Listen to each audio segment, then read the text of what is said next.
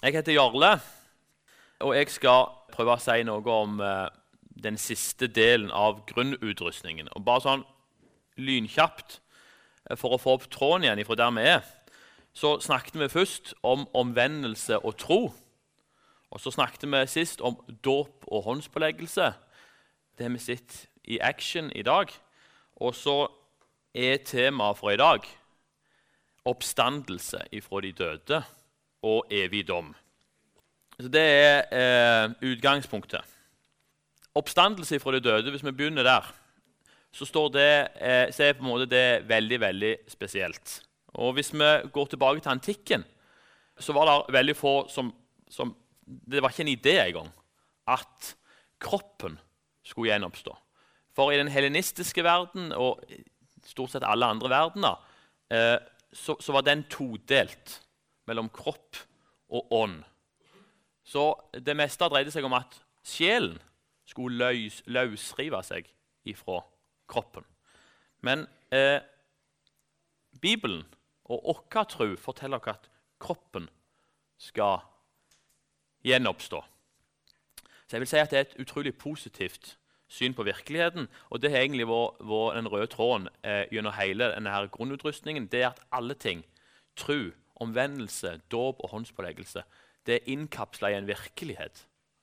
Det er ikke noe svevende abstrakt, abstrakt. Det er konkret. Vi kan forstå det. Vi kan handle på det. Vi kan kjenne på det. Så vi skal få nye kropper. Eh, og for meg så jeg tar jo, eh, Det er ikke mye jeg tenker så mye på. Nå, nå er jeg ennå heldig. Kroppen min fungerer relativt greit ennå. Men i går så traff jeg farfar min. Han er over 90 år, og han bruker gåstol. Så å tenke på at han en dag skal få en ny kropp En dag skal farfar min endelig hoppe, springe og kan gjøre alle de tingene som han en gang kunne gjøre i ungdommen. Jeg mista ei svigermor i fjor. Hun eh, fikk alzheimer. En dag så skal hun få en helt ny kropp, en hjerne som fungerer igjen. Vi, vi skal ikke bli ånde, noe svevende som ingen kan ta på. Vi skal, bli, vi skal gjenoppstå i, i, nye kropper, fysiske kropper. Det er, et, det er et ekstremt det, det her er konkret. Det er virkelighet. Og det er det håpet som vi har framfor oss. Eh, og Det var et håp som vekte anstøt. For grekerne, til og med eh, en del av de jødene, sadukeerne f.eks., de kan ikke forstå dette. her, og De utfordrer Jesus på det.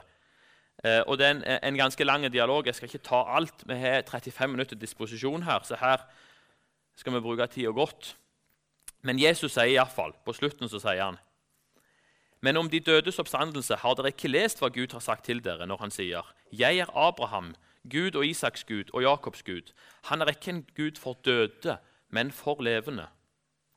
Vår tro er rotfesta i en virkelighet. Jeg er religionslærer på videregående. Der lærer vi om alle religioner. Buddhismen er på mange måter en kontrast til vår tro. Nirvana handler om å bli endelig fri ifra den evige reinkarnasjonen og stadig bli født inn i nye kropper. Og så er endemålet å komme vekk ifra alt. Ikke sant? Ut i en sånn abstrakt sfære. Det er endemålet. Vår tro er det motsatte. Vi har et konkret håp. Når Jesus dør på korset og står opp igjen, så er det, en, det en forsmak på det som skal skje med alle oss. Og Jesus, Når han er stått opp, så kan Thomas kjenne inn i sårene. Jesus spiser. Han lager til et bål. Han, han er virkelig. Han er en vi kan ta på. Og det er et forbilde på det som skal skje med oss en dag. Vi kan inndele grunnutrustningen eller denne hebreerne 6 i sånn generell inndeling. De første to, omvendelse og tro, det handler om tro. Håndspåleggelse og dåp det handler om hvordan Gud, hvordan Gud handler, eh, viser sin kjærlighet gjennom handling. Så der kan vi sette kjærlighet. Mens oppstandelse fra de døde og dom det handler om håp. Så blir de stående, disse tre. Tro, håp og kjærlighet. og det er da oppsummert i denne grunnutrustningen. Så i dag skal vi snakke mye om håp. Hva er håp? Vår tradisjon, vår del av kristenheten, har tradisjonelt sett hatt veldig mye fokus på tro, og i senere tid veldig mye fokus på kjærlighet. Men få snakker, det blir snakket mindre og mindre om håpet. Men det skal vi snakke om i dag. På Wikipedia så står det at håp er en sinnstilstand som kan oppleves og observeres når en får har troen på et positivt resultat eller en positiv utgang relatert til hendelser eller omstendigheter i dens liv. En som heter Lars Lillo Stenberg, som skriver tekstene i De Lillos, han skriver mye bra. Han sier så lenge det er tvil, er det håp. Så den som heter Oscar Wilde han sier det at vi ligger alle i rennesteinen, men noen av oss kikker opp på stjernene. Det finnes et lite ord som heter håp. Det skjønneste i menneskets språk. Og Det er det vi skal ta for oss i dag. Det skjønneste ordet i menneskets språk. Det fins utallige håpsdefinisjoner. Men mange vil si at vi lever i ei tid som mangler håp. Det er en som heter Woody Allen. Han har lagd mange forskjellige filmer. Kanskje ikke alle som er like oppbyggende. Eh, men i forbindelse med presentasjonen av sin nye film 'Magic in the Moonlight' i 2014 så sier Woody Allen i et intervju Jeg føler meg helt overbevist om, og dette er ikke ment som kritikk, at livet er meningsløst. Jeg påstår ikke at vi bør ta livet av oss, men om vi tenker etter, så kommer det med ca. 100 års mellomrom en flodbølge, og så er vi borte alle sammen. Så kommer det nye mennesker som skyldes bort. Så kommer det igjen nye. Og slik fortsetter det, uendelig. Og Det er ikke meningen å ta motet fra noen, men det virker som om det ikke har noe formål. Det finnes ingen rytme, ingen grunn. Vår fremste fysikere forteller oss at verden faller fra hverandre, og at det etter hvert ikke vil finnes noe som helst. Absolutt ingenting. Alle de store verkene til Shakespeare, Beethoven og da Vinci vil være borte. Ikke med det aller første, selvfølgelig, men raskere enn vi tror. Sola vår vil slukne lenge før universet forsvinner. For i et større bilde er det bare de store spørsmålene som er viktige. Og svarene på de store spørsmålene er fryktelig, fryktelig deprimerende. Derfor anbefaler jeg botemiddelet jeg selv har kommet frem til adspredelse. Jeg syns den beskrivelsen er en god beskrivelse for vår tid. Vi lever i det som blir kalt for postmodernismen. Eh, modernismen det var eh, det som var før postmodernismen. Det oppsto andre halvdel av 1800-tallet, og det var prega av en fantastisk tro på mennesket. Menneskelige framskritt. Alt kommer til å gå bedre. Teknologien, hadde en industriell revolusjon. Alt pekte oppover. Der fantes ikke grenser. Det neste mennesket skulle gå, eh, gå, ta fatt på, det var dødens problem. Ingenting var umulig. Det er modernismen. En fantastisk framtidsoptimisme. Og i ettertid så, så er mange sett på Titanic som det store vendepunktet. Skipet som ikke kunne synke. Selve uttrykket for modernismen. Hovmodet skipet som gikk ifra land, men som gikk på isfjellet. Og mens menneskene forsvant ned i isvannet, så forsvant modernismen. Så fikk vi første verdenskrig, så fikk vi andre verdenskrig, så fikk vi kald krig. Og så var mennesket desillusjonert. Så kaller vi det nå for postmodernismen. Det vil si at mennesket er resignert, akkurat som Woody Allen. Vi har begynt å innstille oss på at dette ikke går. Det er slutt det er ingen som brenner for noe særlig mange ting lenger. Disse her sangene om 'Heal the World' og sånn, det er ferdig. Det er ingen som lager sanger sånn. Det er slutt. Barn av regnbuen og alt dette her. Vi gjør ikke det. Det er ferdig. Folk er innstilt på at dette ikke går. Global oppvarming. Problemene hoper seg opp. Vi lever i postmodernismen. Det var en som heter Nietzsche. Han er som regel forhatt i kristne kretser, for han erklærte Gud død i 1901. Men Nietzsche sa noe uhyre interessant.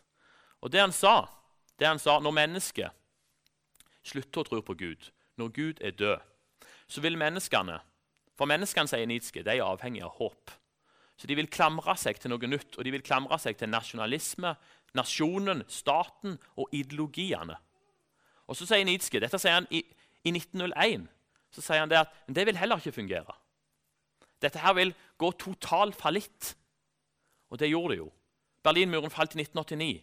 Da var den siste av de store ideologiene gone. Og så sier Nietzsche når alt dette er gått åt skogen, da står mennesket bare igjen med én ting, og det er seg sjøl. Og da står vi overfor narsissismen og hedonismen. Og Det er en som heter Augustin. Han snakker om det innkrøkede mennesket. Det er det narsissistiske mennesket. Og Et innkrøkt menneske det ser jeg for meg er noe sånn, sånn, omtrent sånn. Av og til eh, når jeg går i gangen, eh, gangene på skolen på Bryne VGS, så ser jeg mye innkrøkete mennesker. Enten så går de sånn, eller så sitter de sånn. Ikke sant? Narkissos, den greske guden, som har narsissisme ifra, han, han, var jo så glad i sitt eget speilbilde at han til slutt datt han oppi i den dammen. Så han døde. Åkka dam er jo mobiltelefonen. Ikke sant? Vi er narsissister. Der leser vi oss sjøl, vi publiserer alle de flotte tingene vi gjør, osv. Så, videre. så kanskje Augustin sitt bilde på det innkrøkete mennesket det har aldri passet så godt som det gjør nå. Shakespeare skriver La oss feste i kveld, for i morgen dør vi. Og det blir jo selvfølgelig utkommet av, den, av det verdensbildet, av det historiesynet. Når jeg spør elevene mine hva er meningen med livet, det er å ha det gøy, selvfølgelig. Meningen med livet er blitt redusert til å ha det gøy. Alt er kjørt, ergo hvorfor ikke maksimere de årene jeg da har? Jeg må nyte mest mulig, jeg må oppleve mest mulig. Hvorfor er folk så ekstremt opptatt av å dokumentere alt, på, alt, for alle? Alle plassene vi har vært, alt, alt, det vi et, all den treningen vi gjør. Jo, det er jo for å dokumentere at vi har faktisk et liv. Vær klar over det. Jeg, jeg lever livet til maks. Ingen skal anklage meg for noe annet. Men det er et trist bakteppe. Og det er at vi er en del av en desillusjonert, resignert generasjon. Der håpet er gone, der vi klamrer oss til restene av det som er igjen. Det er en håpløs sinnstilstand. Og ut av en sånn sinnstilstand så kommer det selvfølgelig slagord som 'Just do it'. You only live once. Elevene kaller det for yolo-style. Vi begynner å snakke om livskvalitet og kvalitetstid. Vi må jo ha maks ut av den tida vi har. Ikke sant? Evighetsperspektivet er på mange måter vekke. Mot dette mørke bakteppet så stiger det kristne håpet fram som en kontrast, som noe helt annet. Og det er jo de gode nyhetene. Det at Vi lever jo overhodet ikke etter dette mantraet. Vi har noe helt annet som står i kontrast til denne håpløsheten, til dette mørket, til denne pessimismen, til denne narsissismen. Så har vi et håp. Og vårt håp gir retning. Og Vårt håp gjør at vi ikke er innkrøkete mennesker, men at vi, vi lufter blikket og kan se de andre rundt oss og hva vi har i vente. I Kolossene så står det den som springer frem av håpet. Det dere håper på, ligger ferdig for dere i himmelen. Men alt når dere har fått høre om det gjennom sannhetens ord og evangeliet. I Tessalonikeren står det.: Brødre, vi vil ikke at dere skal være uten kunnskap om dem som er sovnet inn i døden, for dere skal ikke sørge som de andre, de som er uten håp. I Efeserne 1,18.: Måtte Han gi deres hjertes øye lys, så dere forstår hvilket håp han har kalt dere, til hvor rik og herlig arven er for de hellige. I Jeremia så står det, For jeg vet hvilke tanker jeg har med dere, sier Herren. Fredstanker og ikke ulykkestanker. Jeg vil gi dere fremtid og håp. Vi har et håp. Vi er håpsfolket. i en verden som er fortapt. Vi har håp. Vi er helt annerledes. Med et helt annet blikk. Og det skal vi dele. Vi skal være lys og salt. Tenk om omgivelsene hadde sett det på oss. Det er de, ja. Det er de som lyser av håp og framtidstro. Det er de som har noe mer å leve for. Og vårt håp er ikke sånn et uh, håp som jeg har før denne sommeren. Jeg håper det blir fint vær. Det er ikke sånn vårt håp er. Det er et mye sterkere håp enn som så. Vårt håp det er som ei dame som er gravid, som har barn i magen, og som venter på at en dag så bryter det løs. Så skal jeg bli mor. Det er et helt annet håp enn å håpe på sommer eller at jeg vinner i Lotto. Eller som et par som skal gifte seg, som har forlovt seg, som venter på at en dag så ringer bryllupsklokkene. Da skal vi bli ett. Det er et konkret og det er et fast håp. I Filipperne 3,12 så står det ikke så at jeg har nådd dette allerede og er fullkommen, men jeg jager etter det for å kunne gripe det. Fordi jeg selv er grepet av Kristus Jesus. Brødre, jeg mener ikke om meg selv at jeg har grepet det, men ett gjør jeg. Jeg glemmer det som ligger bak, og strekker meg ut etter det som er foran, og jager mot målet, til den seierspris som Gud har kalt oss til der ovenfra i Kristus Jesus. I Hebreabrevet så står det at håpet er sjelens anker. Eh, nå vet jeg ikke om det er, eh, det er en anker på, fremdeles på alle båter. Men ankeret sin funksjon det er jo at når det blåser, og det er skikkelig uvær, så kan en sette ned ankeret, så en vet at båten står stilt. Og så kan en reise videre dagen etter. Men ikke bli dreven vekk av alt mulig slags strømmer og vind osv. Og så står det i Hebreabrevet at håpet er sjelen sitt anker. Og vi synger i sangen 'Salige visshet'. Vi har en visshet. Han er min glede, han er min sang, han vil jeg prise livsdagen lang. Ham skal jeg evig love hos Gud, han er min brudgom, jeg er hans brud. Vi ser på nyhetene, de fleste av oss, og vi hører alt mulig slags forskjellige ting. Og det er mye som skjer. Og lever, Mange vil si at vi lever i ei brytningstid. Men vi er ankra opp. Det er ingen grunn til panikk, folkens. Vi trenger, det, Når hvaler skylles opp på land fulle av plast, så er det selvfølgelig nitrist. Og vi skal gjøre hva som står i vår makt for å være ansvarlige forvaltere. Men det er ingen grunn til panikk. Vi trenger ikke være redde. Gud har full kontroll. Vi har et anker, så det kan skje utrolig mange forskjellige ting. Men vi står fast ankra, for vi vet at en dag så skal det gå fryktelig godt til slutt. Men vårt historiesyn er helt annerledes enn verdens historiesyn. Modernismen sitt historiesyn det var ei, ei, ei gradvis oppover til himmelen. Det var som, eh, som, som disse her eh, babylonerne som bygde tårn i Babel postmodernistiske synet det er at det går stadig nedover. Mens vårt syn det er at ja, det går stadig nedover. Men så går det vanvittig opp på slutten. Så det går stadig nedover, så ei vanvittig rett til himmels. Rett på topp. Happy ending. Alt skal bra. Det som de sier i eventyrene. Så levde de lykkelig alle sine dager. Tornerose skal våkne opp. Alt skal gå bra. Prinsen skal kysse prinsessa. Så eventyret det ender forferdelig godt. Og det står i kontrast til det rådende synet nå. Og alle disse vindene som kommer Vi kristne liker jo å kalle det for tidsånd, som er så skeptisk. Det kan komme så mye det vil. Det kan blåse stormer så mye det vil. De kan velge hvor presidenter de vil borti USA. Det kan ikke rokke med håpet. For ankeret står godt planta i havbunnen. Det er det vi har å forholde oss til.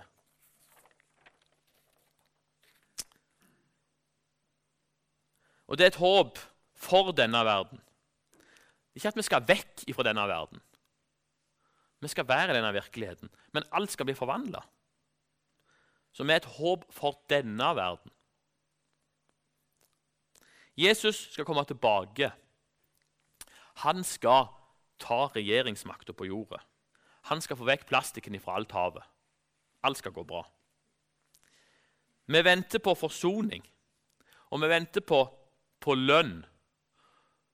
Hjemme hos oss kan de siste dagene før den 12., så det er ofte i offentlig sektor, i fall her, for de får lønn den 12. Og 9., og 10. og 11. det kan bli tunge dager. Men når lønna kommer, ja, det er svære greier. Nå er det penger igjen på kontoen. Nå kjøper vi rekesalat fra Hodne. Det er herlig. Og det er himmelen. Vi skal få lønn. Vi skal få lønn for strevet. Det er lønningsdag. Og det er den største av alle lønningsdager. Da skal vi få lønn. Trygve Bjerkreim han synger Du får komme til Jesus i Faderens hus. Der Hans herligdom skal du få se. Du får være hos Jesus til evig tid. Si hva mer kan du ønske deg da? Vi skal få alt det vi ønsker oss, og mer. Si hva mer kan du ønske deg da? Og så er håpet vårt det er noe av det beste med håpet. Det at det gir retning. Det håpløse gir ingen retning. Derfor er mennesker i dag overgitt til sine lyster, sine drifter og det å maksimere. For det er ingen retning, for alt er håpløst. Hvorfor ikke bare gjøre det beste ut av det? Ikke sant? Men vårt håp, det gir retning. Det gir retning. Og Jeg har lyst til å bruke bildet om bryllup igjen. For når en har forlovt seg, så er noe av det i hvert fall var det når jeg gifta meg. Da skulle vi ha sånn et svært bryllup. Og da måtte vi få ut invitasjoner. Og det var en møysommelig prosess. Av og til så lurer jeg på om folk bruker mer tid på å tenke på invitasjonene enn selve ekteskapet. Men vi brukte ei tid på å flikke på invitasjoner, og vi ville at, ha flest mulig gjester. Sånn er det for oss òg. Flest mulig må bli innbudt til bryllup, til festen. Vi må få ut invitasjoner. Og det er ikke bare invitasjon om at folk skal komme som gjester, men der skal alle være brud. Alle skal være brud i dette bryllupet. Og så var det sånn når jeg gifta meg Jeg var jo brudgom, sånn som Jesus. Og Jesus jeg tror ikke han trenger forberedelse. Altså, han må jo lage til, og, og, og, han venter jo på at vi skal bli klar. Så det var ikke så mye styr for meg. Jeg gikk ned på Eiki. Der traff jeg Svein Wold for første gang. Og det tok et kvarter, så var jeg ute med en dress som satt som et skudd. Så var jeg klar for bryllup. Men bruden det var a totally different story. Det var hår, det var kjole. Det var et, et maraton av ting som skulle ordnes. Og vi er brud. Vi skal gjøre oss klar til brudgommen. Så vi har retning for livet vårt. Det er ufattelig med ting. Vi har det travelt, folkens. Det er snart bryllup. Det er mange ting vi må få gjort. Og det viktigste vi skal få gjort, det er å bli i stand til brudgommen. For vi skal stå finpynta i bryllupskjole, vaske reine når vi skal møte brudgommen. Og det venter brudgommen på. Og så må vi få ut så mye invitasjoner som mulig. Og kontrasten til det og det som er, dessverre, livsmantra for mange i dag. You only live once, just do it. Follow your dreams, og so on. Den er slående. Det er retningsløst. Mens vårt håp gir retning for livet vårt.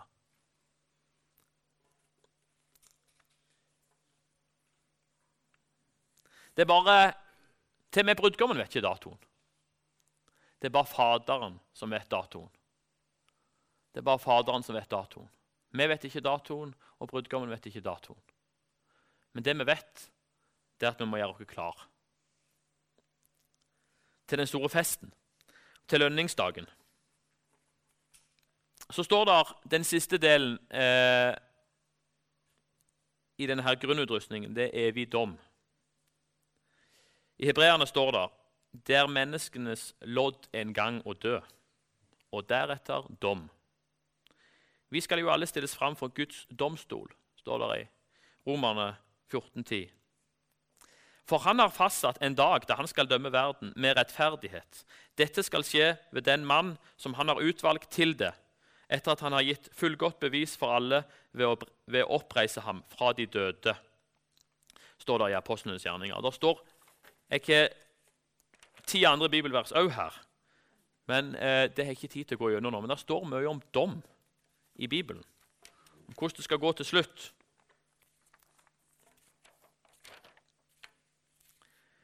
Eh, når vi har om kristendommen, så det jeg én ting elevene det er de har størst problemet. Det er at en god Gud kan dømme menneskeheten. Hvordan i all verden kan en god, god Gud dømme mennesket til evig fortapelse? Det er et uh, gjeldende spørsmål også i dag som mange er opptatt av. Jeg vil snu på det. Det er nettopp fordi Gud er så god at han er nødt til å dømme. Vi mennesker vi kan se mellom, mellom fingrene på mye forskjellig. Vi kan se våre medelever bli mobba uten å gjøre noen verdens ting. Vi kan gjøre, Det er utrolig mange ting vi kan se på uten at vi gjør noe med det. Uretten får seire, og vi er passive. Men det er fordi vi ikke er så gode som Gud. Gud er så god at han må ta et oppgjør med ondskapen. Han kan ikke gjøre som vi ofte gjør. Se mellom fingrene, være likegyldige til det. Gud må ta et oppgjør med ondskapen. Det onde skal ikke seire. Gud skal seire. Det onde skal utryddes. Hvis ikke uretten hvis ikke, hvis ikke Gud seirer over uretten, så blir uretten med oss til evig tid. Da blir bryllupsfesten ødelagt. Da blir det ikke skikkelig bryllupsfest. Og derfor så må Gud dømme. Gud dømmer. Han tar et oppgjør med det vonde, med ondskapen. En av de fortellingene som illustrerer det som er veldig vanskelig å forstå, Guds nåde og Guds rettferdige, det er når israelsfolket er ute i ørkenen.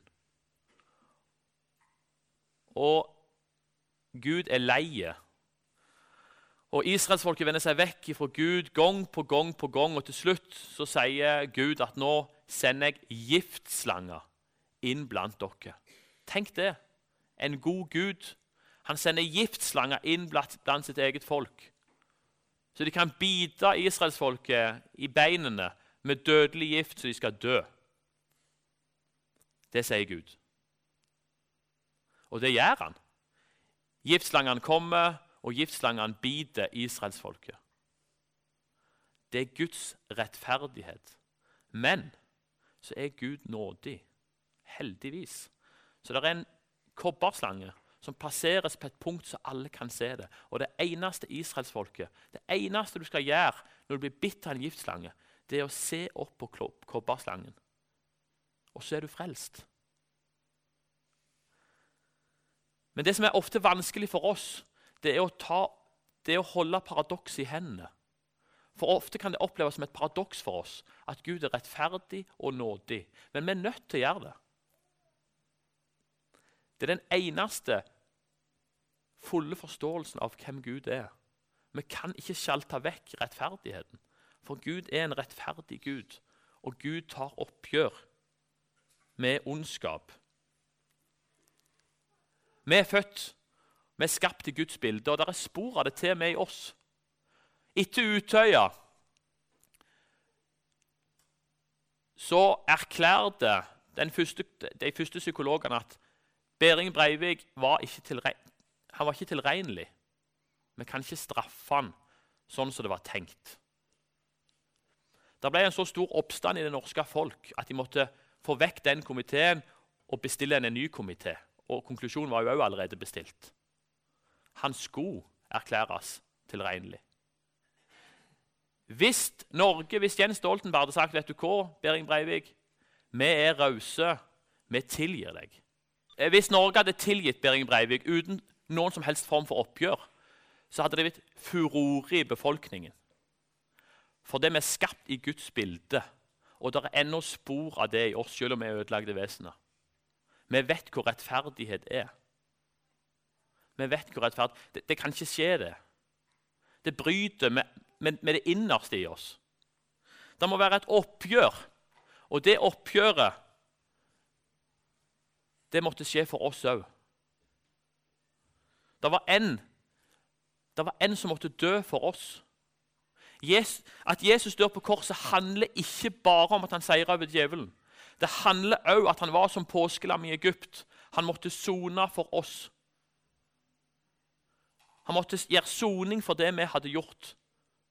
Og når Jesus dør, ja, så blir vi frelst.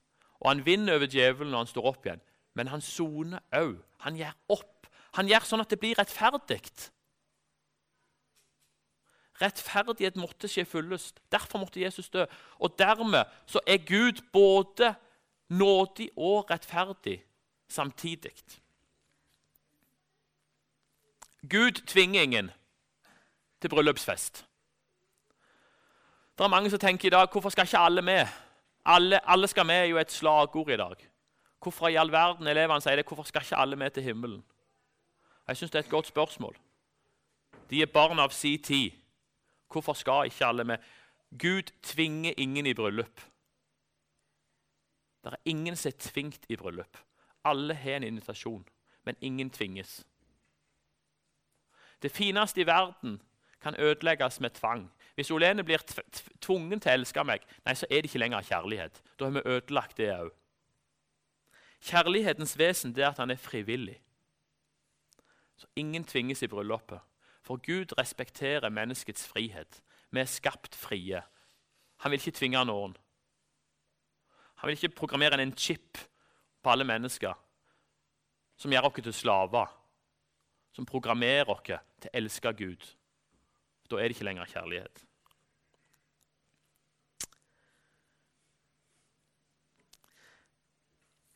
Eh, etter taler og sånn så pleier vi å oppfordre til forbønn.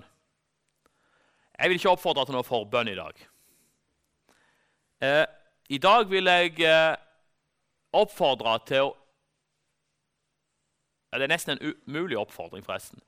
Men hvis vi hadde hatt et språk for det, til å uttrykke glede og jubel eh, Jeg for min del jeg har ikke noe språk for å uttrykke glede og jubel eh, i forhold til min tru.